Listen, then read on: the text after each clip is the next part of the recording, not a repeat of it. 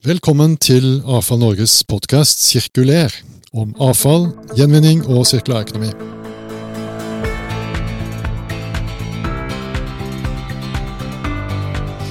Mitt navn er Jens Måge, og jeg er i dag stand-in for Nancy Strand, som for tiden er koronafast. Til daglig er jeg fagrådgiver i Avfall Norge. I dag er temaet biologiske avfallsressurser og en grønn og sirkulær bioøkonomi. Vi møter eh, Mariann Hegg og Espen Govasmark fra henholdsvis Greve biogassanlegg, bedre kjent som Den magiske fabrikken, og VEAS, Norges største avløpsrenseanlegg. Velkommen til dere. Takk for det. Hjertelig takk. Og Noe av det dere har til felles, er jo at dere sitter i og jobber med Avfall Norges faggruppe for biologiske avfallsressurser og behandling. Det stemmer. Men først litt om, litt om dere. Eh, hvordan, eh, hvordan begynte dere å jobbe med dette? Hva er deres bakgrunn og motivasjon for den jobben dere gjør i dag? Espen, vil du begynne? Ja. Eh, min bakgrunn er eh, langt tilbake i tid, fra lite barn. Eh, gravde beitemark på Golia i Oslo hos min mormor. Eh, bestemte meg tidlig da for at eh, det var biologi jeg skulle studere. Uh, har siden vært opptatt av hvordan vi utnytter ressursen, og, og fortsatte da etter videregående min tid på NMBU, Norges miljø- og biovitenskapelige universitet. Het jo Landbrukshøgskolen i, i sin tid. Studerte jord- og plantekultur og tok senere en doktorgrad med Norsk senter for økologisk landbruk innenfor utnyttelse av de organiske ressursene til matproduksjonen. Uh, fikk lov å fullføre den. Tolv år på, som forsker både ved Norsk senter for globalt landbruk, også NIBIO, og senere også på UMB, Universitetet for miljø- og biovitenskap, som nå heter NMBU. Så det har jo skiftet litt, da. Ti år siden så bestemte jeg meg for at jeg ønsket å gjøre noe mer enn å forske, og gikk over i avfallsbransjen. Og har vært der siden og stortrives. Mm. Og Mariann, begynte det med meitemarker for deg òg, eller? Ikke akkurat meitemark, men det er nok ikke så langt fra samme bakgrunn som Espen. fordi for meg har det alltid fra barndommen av vært en stor interesse både for natur og dette her med ressurser, og også dette med avfall. Hvis du spør min far, så mener han at kykelikokos er egentlig årsaken til hele mitt uh, utdanningsvalg. For jeg er jo kykelikokos-generasjonen, og jeg var aldri noen unge som våkna tidlig om morgenen, men hver lørdag så hadde jeg rett og slett på vekkerklokka for å få med meg kildesorteringskonkurransen som gikk på Kykelikokos. Så når jeg skulle begynne å studere, så var det jo naturlig å gå noe som hadde med natur og ressurser å gjøre, så jeg gikk en bachelor i fornybar energi på Høgskolen i Sogndal. Og så gikk jeg videre og tok en master i industriell økologi på NTNU. Og da skrev jeg faktisk masteroppgaven min om klima og energifordelene ved å opprette Den magiske fabrikken. Så allerede da så ønska jeg å komme inn på dette fagfeltet. Og så tok jeg et år til med studier, og fikk da etter det lov til å komme og begynne å jobbe med det jeg egentlig hadde drømt om allerede som student. Det høres jo helt magisk ut. Ja, absolutt. Vi skal få høre litt, du skal få høre litt mer om hva, det, hva dette, Den magiske fabrikken er for noe. men men eh, jeg syns det er veldig interessant. Dere har jo veldig interessante bakgrunn begge to. og øh, det liksom, går litt tilbake før dere begynte, begynte, å grave med meitemark. da, Espen, var det, Hva drev foreldrene dine med? Mine foreldre innenfor, jobbet innenfor uh, televerk i sin tid, og så har de vel vært innenfor helsevesen og transport. Så, og jeg er oppvokst i en høyblokk. Uh, landbrukserfaringen min var to blomsterkasser på, på en veranda, så det var ikke stort å bygge på hjemmefra. Men uh, røttene ligger jo i landbruket. Nord-Gudbrandsdalen, Bjorli. Det er jo der vi har gravd poteter og meitemark opp gjennom tiden. Riktig. Ja. Og så tok du også en doktorgrad på et tidspunkt? Ja, fikk lov å Eller fikk lov. Fikk, fikk tilbud om å ta en doktorgrad innenfor økologisk landbruk. Så på hvordan ressursene innenfor økologisk landbruk kunne benyttes mest optimalt for å danne et, eller lage et fôr som ga riktige betingelser for dyra. Og resirkulering, selvfølgelig. Ressursombruk kalte vi det da. Det var tidlig. Nå har jo avfallsbransjen også tatt ombruksbegrepet inn.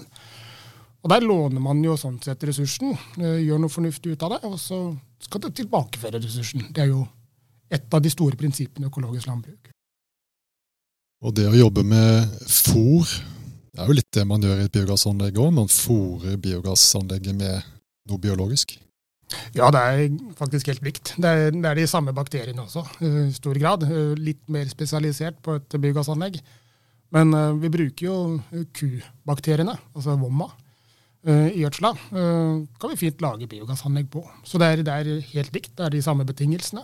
Og kan du fôre ei ku, så kan du fôre et biogassanlegg. Så det er som en stor kumage, rett og slett? Vi skal komme litt mer inn på hva som skjer i et biogassanlegg, og, og hva som skjer i et avløpsanlegg. Så eh, Mariann, den magiske fabrikken. Hva, hva, hva, er det som skjer på et biogassanlegg? Sånn, fra et, fra et eh, populærvitenskapelig, faglig ståsted. Jo, i et biogassanlegg så omdanner vi jo det vi kaller for organiske ressurser. Som uh, kan være alt som egentlig er lagd uh, av naturen selv. Det er jo i hovedsak matavfall hos oss, og gjødsel fra landbruket i Vestfold. Som man råtner men, Men må jeg, man... jeg, må stoppe deg allerede der, Mariann. For at, altså, gjødsel det har jo allerede vært igjennom kumagen. Hva er vitsen med å ta det inn i, inn i et biogassanlegg da? Jo, Espen nevnte det jo. Det er jo faktisk de magene som eh, Eller de bakteriene som er i magen til kua. Så de er jo fortsatt i gjødsla. Så de er veldig bra å ha inn i biogassanlegget. Og det er faktisk ressurser igjen i gjødsla når den kommer ut av kua. Det er ikke sånn at alt er ferdig nedbrutt. Og det er jo også noe av grunnen til at man sprer gjødsel på jordet til vanlig. Man har jo fortsatt næringsstoffer og ulike mikrobielle prosesser da, som kan hjelpe til i jordsmonnet. Og de er også fine inn i et biogassanlegg. Men hva er vits Altså, du kan ta det rett ut på jordet uten å, det, altså uten å ha, gå via et biogassanlegg, eller du kan ta det igjen med et biogassanlegg, og så skjer det noe det noen, Er det noen ulemper med det? Er det noen fordeler, eller? Det er jo noen kjempefordeler. Fordi selv om den eh, gjødsla og maten til kua har vært gjennom kumagen, så er den ikke ferdig nedbrutt. Så hvis du sprer det rett ut på jordet, så vil den fortsette å ha en prosess der og slippe ut en del eh, gasser som ikke er eh, kjempebra for atmosfæren. Men hvis man da tar den gjødsla inn i et biogassanlegg, så får man utnytta de gassene. Og kan da bruke det til noe fornuftig. Og rett og slett sånn sett sparer miljø- og klimagassutslipp. Ja. Og i tillegg så er jo også sånn at næringsstoffene blir mer tilgjengelige for eh, plantene etter at eh, gjødsel har gått gjennom et biogassanlegg, istedenfor å bli spredd rett på jorden. Mm. Jeg har også hørt rykter om at du får ut mer energi av matavfallet eh, ved å kombinere matavfall og husgjødsel, stemmer det? Det stemmer så absolutt. Og det er jo det vi gjør på Den magiske fabrikken. Der blander vi rett og slett matavfallet, som hver og en av oss sorterer hjemme, hvis vi er flinke. Så blander vi det med ku- og grismøkk, og så lager vi en sånn skikkelig god suppe. Og det er jo den suppa vi da råtner ut, og som det da produseres gass av. Eh, og man kan egentlig produsere gass av avfall for seg selv, og man kan produsere gass av husgjødsel for seg selv. Men når man blander de to sammen, så får man faktisk mer gass totalt enn om man hadde hatt de hver for seg. Så det er ikke sånn at én pluss én blir to. Her blir kanskje én pluss én 2,7 eller nærmere 3. Mm. Så det er vinn-vinn, med andre ord? Helt klart. Så prosessen i et biogassanlegg er altså at du tar inn, uh, tar inn avfall. Du, du, bruker uttrykket 'å råtne ut'. Uh, det er det som skjer inni selve tankene. Og hva, hva kommer etter det, liksom? Nei, gassen den stiger jo opp. Jeg tror vi alle har opplevd at ei brusflaske bruser over. Da er det jo gassen i brusflaska som stiger opp, og det er det samme som skjer inni disse tankene. Hadde man titta inni i de, så hadde det sett ut som det kokte, men det gjør det jo ikke, for det er jo en kumage, så det er jo samme temperaturen som det er inni magen på kua. Men likevel så bobler det på toppen. Akkurat som det gjør når brusflaska bruser over, og det er gassen som stiger opp. Og den gassen, den eh, består av to ting i hovedsak. Og det er både CO2 og det er metan. Og de kan vi bruke til ulike ting. Og Det skal vi snakke litt mer om, eh, om straks. Men eh, Espen, et avløpsanlegg, eller avløpsrenseanlegg, hva er det for noe? Et avløpsrenseanlegg eh, renser avløp, sier kanskje navnet, men populært navn på avløp er jo kloakk. Kloakk er jo det som går i toalettskåla, men det er også det som går i dusjvannet ditt når du vasker hendene. Det har vi jo blitt kjent med i perioden vi har vært igjennom. Det er også det vannet som du bruker på kjøkkenet. Så det er en samlebetegnelse for det som renner i et rør ut av boligen. Det er veldig lite industri igjen i avløpsvann, så den tiden er litt forbi. Da var det et, noe, annet, noe annen kvalitet. Vi pleier jo litt fleipete å si til matavfallsindustrien, som bruker matavfall, kloakk det er faktisk noe du har spist. For det går gjennom kroppen din og, og blir jo til gjødsel av det, det opplagte. Så vi tar den ressursen. Vår jobb er primært å rense avløpsvann før det går ut til naturen. Det er kjempeviktig. Det er derfor vi eksisterer. Men ressursen er energirik. Det er mye energi igjen etter at du har spist brødskiva di. 20 timer gjennom kroppen, og så går den ut. Da ligger det fortsatt mye energi igjen. Og vi tar den energien og lager biogass på samme måte som Mariann gjør på Magisfabrikken med husdyrgjødsel og med matavfall. Så prosessen er helt lik, men det er noe regelverk rundt som er ulikt. Det som også er viktig å si, at på veien inn i et biogassanlegg så tar vi ut all søppel. Det som vi ikke kan bruke. Plaststoffer, flasker. Det er utrolig hva som går i et uh, avløpsrenseanlegg og kommer inn. Det fjernes. Det samme skjer jo på, på andre anlegg, selvfølgelig. Slik at ressursen som går ut etter utråtning, er renest mulig. Og Da jobber vi med å forbedre prosesser hele tiden. Her er det vel dovettkampanjer og litt av hvert som, som, kjøres? Ja, i do er det kun bæsj, tiss og toalettpapir, og alt annet går i bøtta siden og, og, behandles på andre måter. Så om noen hører på dette og ikke har en uh, avfallsbøtte stående på badet, så er det bare å gå ut og skaffe seg det. Det skal altså bare tre ting oppi dass. Uh, men det er veldig mye mer som skjer på et renseanlegg. Det skal vi komme litt tilbake til, tenker jeg. Fordi um, vi har jo snakka en del nå om ressursene, og vi skal snakke mer om det. Og det er mange ressurser, har vi hørt, uh, i både avløpsvannet og i bioavfallet. Og jeg har lyst til at vi skal, uh, vi skal starte å snakke om en ressurs som man kanskje ikke så lett tenker på når man snakker om biogass og slam og husgjødsel. Og det er, det er CO2. Eh, vi kaller det kanskje grønn CO2. Hva er dette, og hvordan kan det utnyttes? Ja, biogass består jo av uh, ca. 60% metan og ca. 40 CO2. Uh, vi fanger jo metanen, og vi fanger CO2-en, sier vi. Uh, det er egentlig det motsatte. Vi har jo lagd den, vi har den i rør, og vi renser ut metanen slik det er i dag, og lager da enten en komprimert gass, som kan brukes uh, på lik linje med, annen gass, eller vi kan lage en flytende som transporteres litt lengre, men brukes også som, som vanlig gass, uh, metan.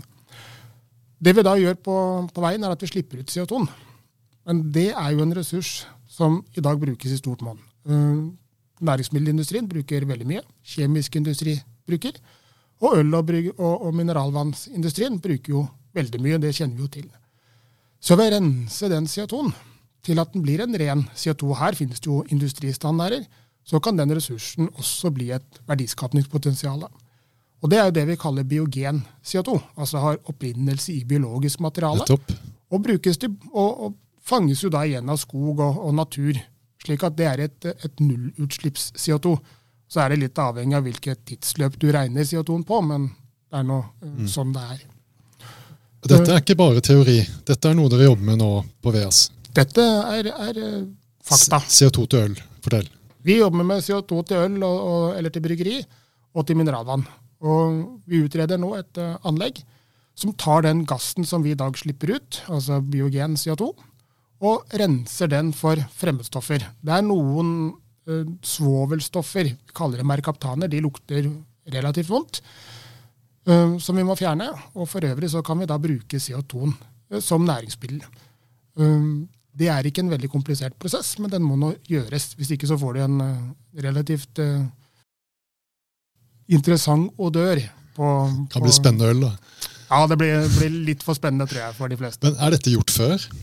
Ja, dette er gjort i, i Danmark. Mm -hmm. Strandmøllen i Danmark har dette i dag. Bruker eh, CO2 fra biogassanlegg inn mot næringsmiddel. Nettopp. Men dere har et, en ølprodusent som dere skal samarbeide med om dette? Ja, vi er allerede i dialog og samarbeider, og de venter på CO2. Men Mattilsynet skal inn og godkjenne. Vi må ha prosesser som er godkjent, så det er jo en industriprosess. Vi må ikke glemme det. Det er ikke bare å ta CO2-en rett ut. Alternativet er jo at man kunne brukt den til teknisk bruk. Det er litt lavere kvalitet på den i forhold til næringsmiddel. Men vi sier at det er næringsmiddel som er vår, vårt marked. Vi, Har du noe tidsaspekt på når dere skal gjøre dette i praksis?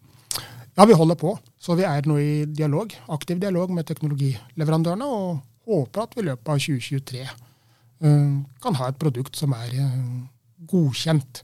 Men her er det mange, mye regelverk, og man skal kjøre det vi kaller protokoller. Du skal bestemme deg for hvordan du gjør det.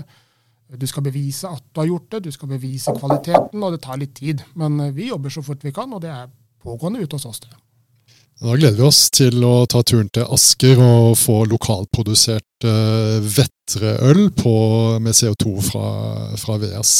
Vi glemte kanskje å si at VEAS ligger i Asker, men tar jo imot uh, avløpsvann fra store deler av Oslo, Bærum og, og Asker. Stemmer ikke det? Jo, det stemmer. Men Mariann, dere bruker også denne grønne CO2-en. Ja, det stemmer. Det er jo, som Espen har nevnt, mange bruksområder for CO2. Eh, og en bransje som eh, bruker veldig mye CO2 som vi kanskje ikke tenker på, er veksthusnæringa.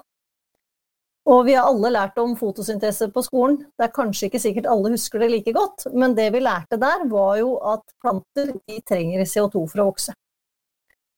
Og det vi gjør hos oss, er at vi bruker faktisk en del da, av CO2-en når den er skilt fra metanen, som Espen forklarte, og sender den direkte inn i et veksthus. Og det er litt eh, enklere krav og regelverk for bruk av CO2-en i veksthuset. Så veksthuset som er tilknytta fabrikken hos oss, er faktisk rett og slett kobla på fabrikken. Mm. Og da blir det tomater eh, produsert på ressursene? Ja, det blir jo faktisk eh, tomater som er dyrka fram av ditt og mitt matavfall. Vi bruker jo da CO2 fra fabrikken, men også det siste produktet ut som vi ikke har snakka om ennå, som er biogjødsel. Og foster opp nye, ny mat basert på matavfallet som vi har vært flinke og kildesortert. Dette høres ut som det er sirkulærøkonomi i praksis? Absolutt. Men eh, så nå, nå nevnte du en, eh, en, en, ressurs til, og det er altså biogjødsel som, eh, som, kommer ut.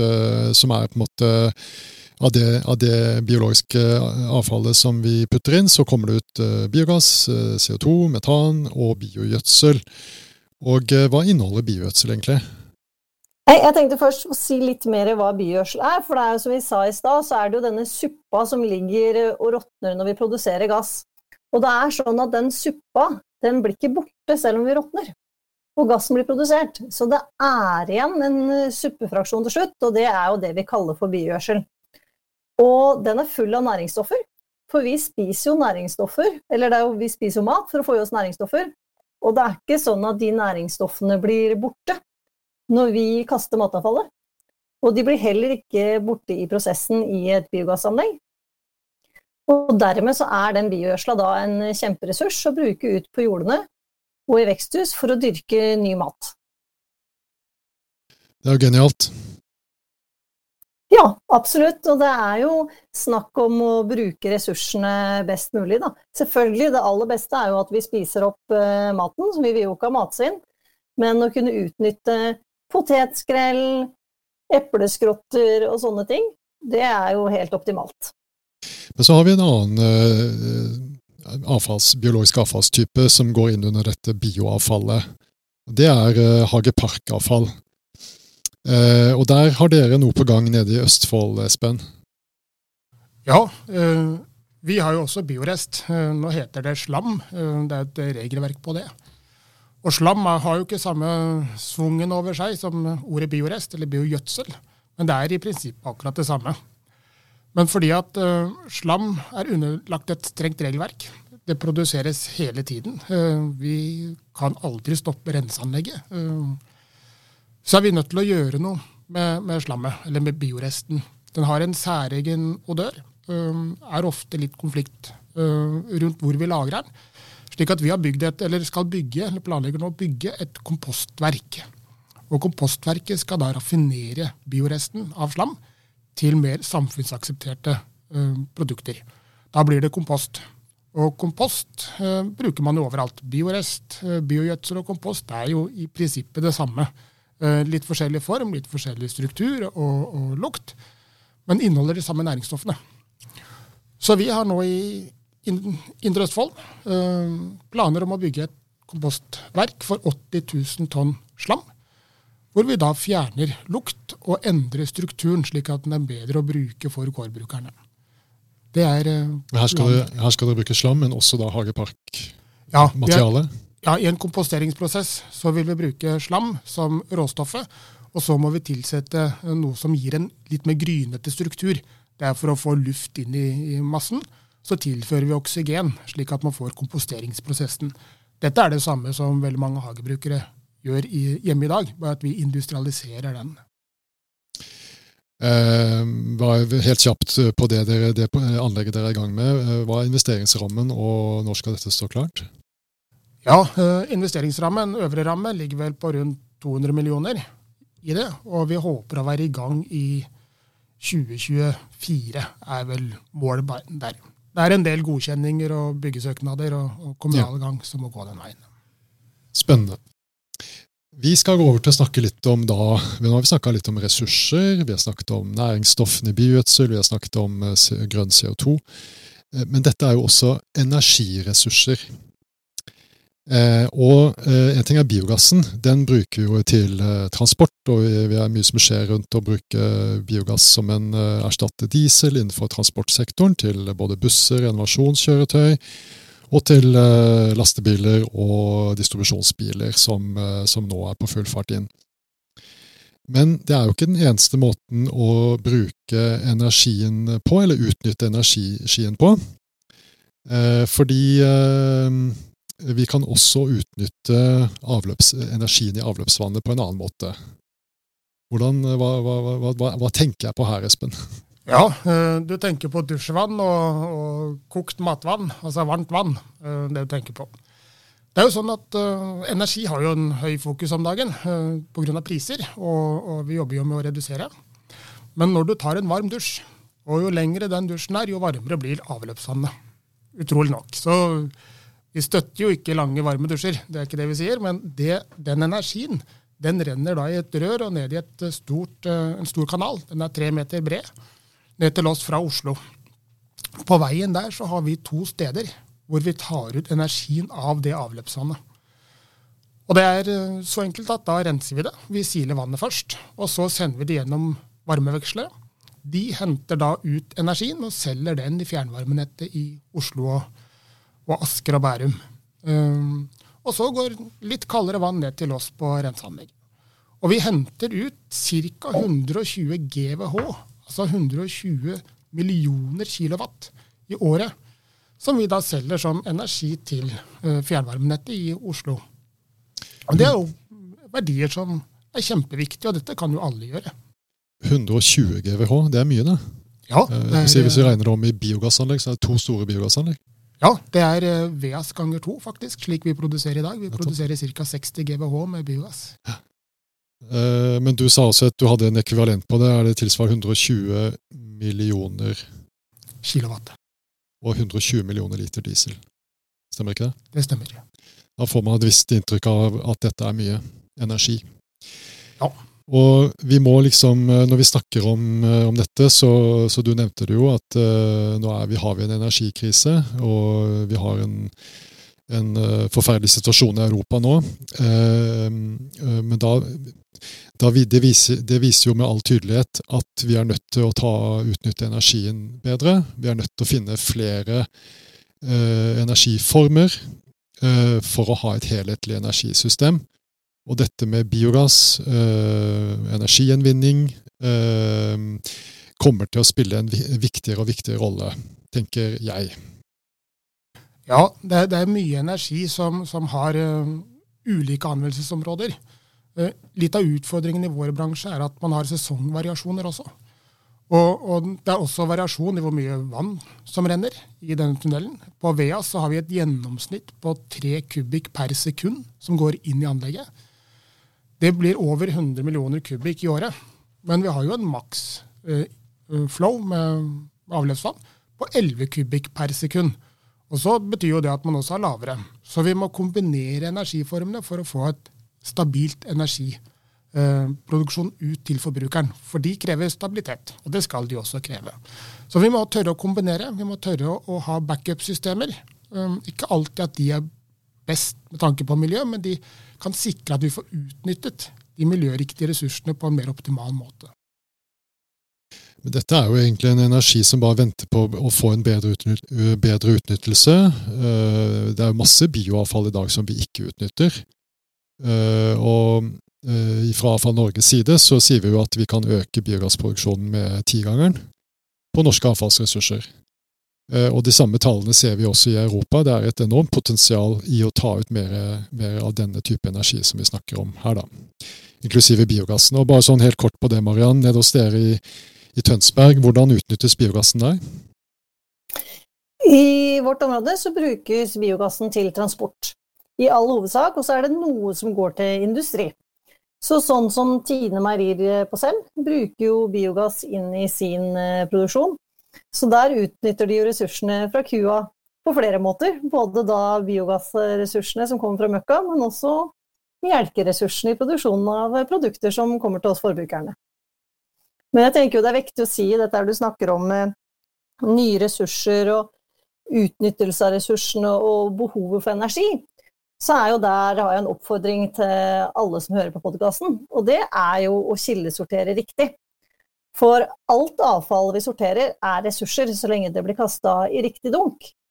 Mens når det blir kasta feil, eller eh, havner i samme dunk og ikke blir utnytta, så er jo ressursutnyttelsen dårligere. Så i, sånn, i dette her med å benytte ressursene på best mulig måte, så blir det jo da kildesorter, som er um, hovedbudskapet. Mm. Bra. Nei, men uh, da, ser, da, fikk vi en oppfordring der fra Mariann. Kildesorter uh, riktig uh, og, best mulig, for da får vi, ut, får, får vi mest mulig utnyttelse av bioavfallet.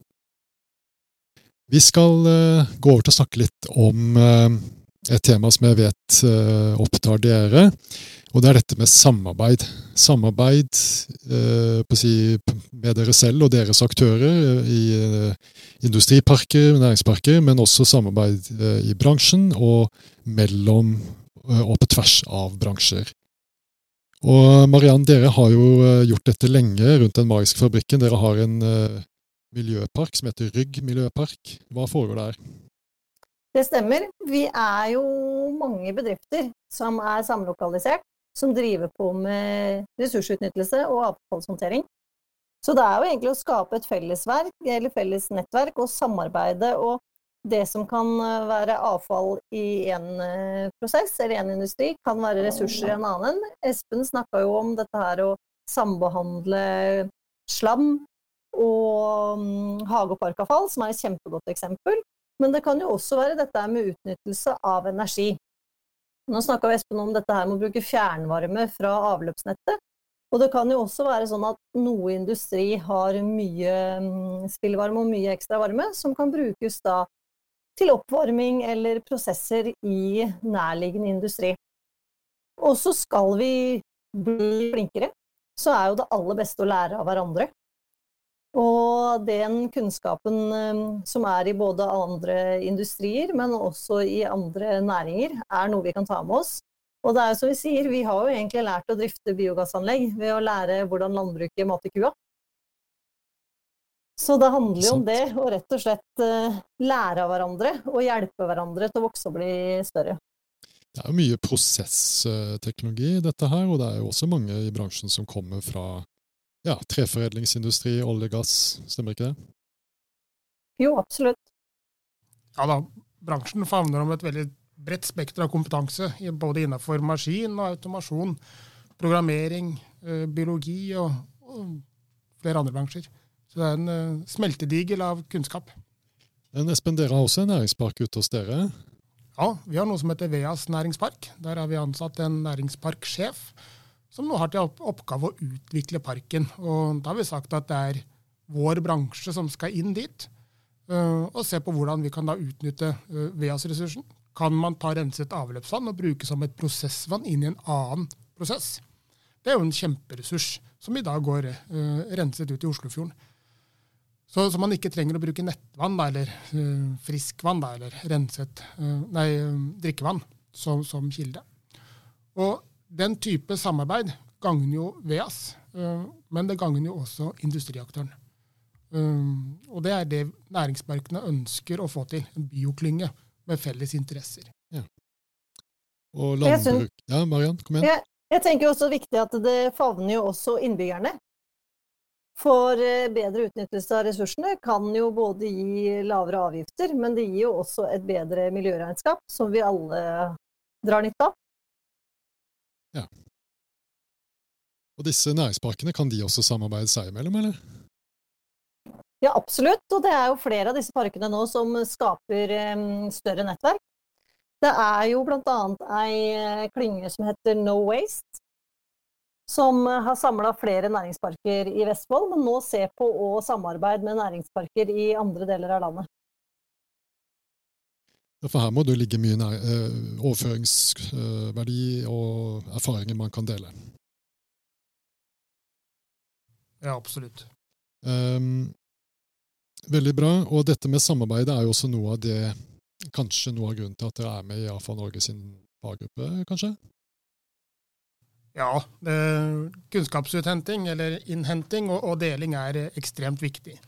Eh, nå tilhører jeg avløpsbransjen. Eh, Mariann er mer innenfor avfallsbransjen. Eh, forskjellen på oss er ikke så stor. Det jeg får, er veldig vått. Det Mariann får, er generelt veldig tørt. Og, og, Blander vi de to sammen, så får vi et passe substrat innenfor en biogassbransje f.eks. Det er noen regelverkshindringer på at vi kan blande strømmene, men fullt mulig å få til integrasjon mellom de. Og det burde vært mye mer. Eh, det som er et problem i én bransje, er ofte en ressurs i en annen bransje. Eh, litt viktig, som Mariann sier, at man holder de rene. Så rene som mulig. Vi skal ha ut søpla. Det er viktig. Det er også viktig i avfallsbransjen. Men ressursene eh, får vi da ut på en mye mer effektiv måte. Men det starter på kjøkkenbenken, hjemme i husholdningen, hos industrien. Jo renere de leverer, jo renere blir sluttproduktet, og jo større verdiskaping får vi på ressursene. Mm. Ja, og denne faggruppa er jo kjempefin. Det er jo nettverksbygging, uten tvil. Og det er jo den, noe av den beste kompetansen i landet sitter jo i faggruppa på disse temaene. Og de jobber jo også innenfor fagmiljøer på hver enkelt bedrift som gjør at uh, vi har jo et kjempenettverk å spørre når vi har problemer. Det er ikke sjelden at Espen og jeg ringer hverandre når vi lurer på ting, enten om det er regelverk eller om det er tekniske ting i anlegget, som vi kan hjelpe hverandre, støtte hverandre. Og vi står sterkere sammen, og det gjør man virkelig når man har en faggruppe som man kan uh, spille litt ball med, og få både innspill, tilbakemeldinger og tips og triks fra. Det å lære av andres eh, feil er vel kanskje ikke så dumt heller? Nei, og ikke bare lære andres feil, men også lære andre sin suksess. Det syns jeg kanskje er det beste med den bransjen vi er i. At vi er villige til å hjelpe hverandre gode. Det høres veldig fornuftig ut.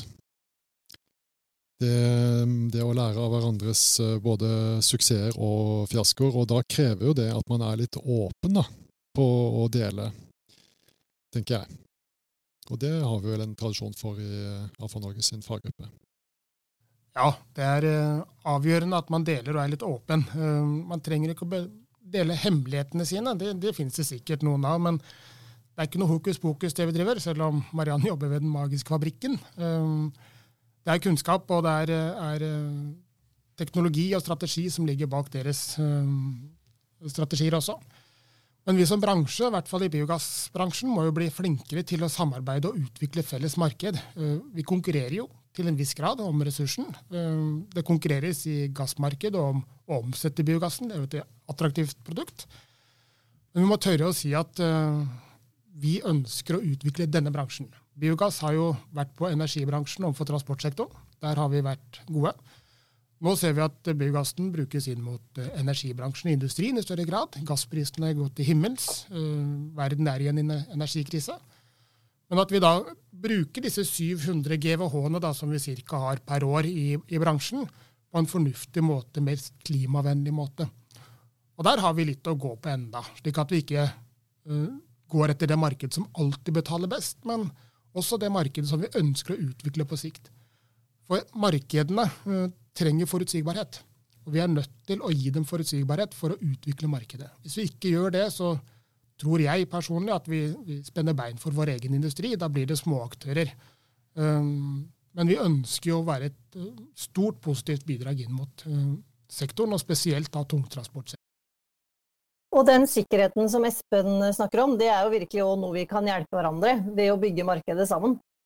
For ja, vi er konkurrenter og skal selge gass til de samme kundene, men ingen av oss får solgt gass hvis ikke vi får markedet til å vokse. Og hvis vi sammen kan vise at vi har et høyt potensial på produksjon, så vil jo også kundene bli mer villige til å kjøpe kjøretøy som går på gass, når de ser at det er sikkerhet på levering.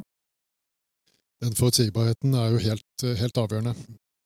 Og eh, det med å Det at vi stadig vekk lærer eh, Det var en som sa en gang at den som tror, eh, tror man er ferdig utlært, er ikke utlært, men ferdig. Og det, denne faggruppen, der jobber vi også med møteplasser. Vi har mange møteplasser gjennom et år, og der har man også god erfaringsutveksling og faglig påfyll. Og vi har også kommer til å arrangere flere studieturer. Eh, vi har på planene en studietur til Milano for å se på hele eh, matsirkelen, biosirkelen som vi kaller det, der nede, som er en av Europas eh, de byene i Europa med størst utsortering av bioavfall. Så der kan vi ha mye å, lære og diskutere med, med italienerne der. Uh, og så, mens vi er på reklamen, så har vi også Nordic Biogas Conference i Linkjøping i oktober. Uh, vi satser på at podkasten går før det. så da, det blir en stor møteplass for den nordiske bransjen med 400 deltakere. Men um, avslutningsvis så har jeg lyst til at vi skal komme inn på uh, litt av den store miljøutfordringen som vi har nå i Oslofjorden og i for så vidt andre innsjøer og, og vannveier i, eh, både i Norge og andre land. Vi er kjent med at Oslofjorden er i krise, og det er eh, lite fisk, det er lite liv. Og dette skyldes en kombinasjon av utslipp av miljøgifter, av mikroplast og what not. Og dette kom kanskje litt brått på noen av oss som trodde at Oslofjorden var i en bedre forfatning, men så har vi sett de senere par-tre årene at det er mye dokumentasjon på at dette står ganske Dette står, ser ikke så veldig bra ut. Og da lurer jeg på eh, Hva er egentlig renseanleggene og biogassanleggenes rolle? Eh, er, er dere er, dette, er, er, dere en del av løsningen på dette, eller er dere, eller er dere si, en del av problemet, da, for å sitte, sette det på spissen?